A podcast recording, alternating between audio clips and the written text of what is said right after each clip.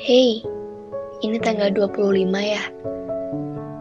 25 Agustus 2020.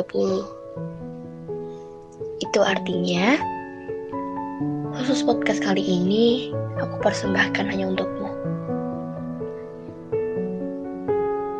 Beberapa bulan yang lalu, aku sangat menanti hari ini.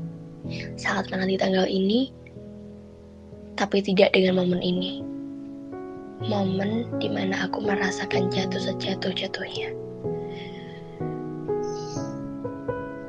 Mengapa harus ada perpisahan? Saya benci kata-kata itu. Saya benci ketika ada seseorang yang berani mengingkari janjinya sendiri. Saya benci ketika dia mengatakan maaf. Dan bodohnya saya, saya tetap meminta untuk mempertahankan hubungan ini. Saya tahu saya bodoh.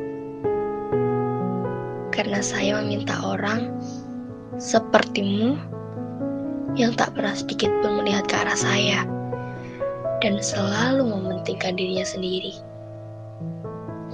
Kamu tahu, saya gagal. Saya gagal menjadi satu-satunya. Mengapa saya meminta kamu untuk mempertahankan hubungan kita?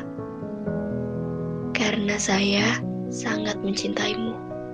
Karena saya sangat menyayangimu.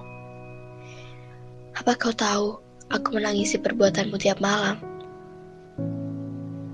Dan teruntuk teman-teman yang berada di posisi ini, Semangat, dan jangan pernah berlaku bodoh seperti saya. Kata hati.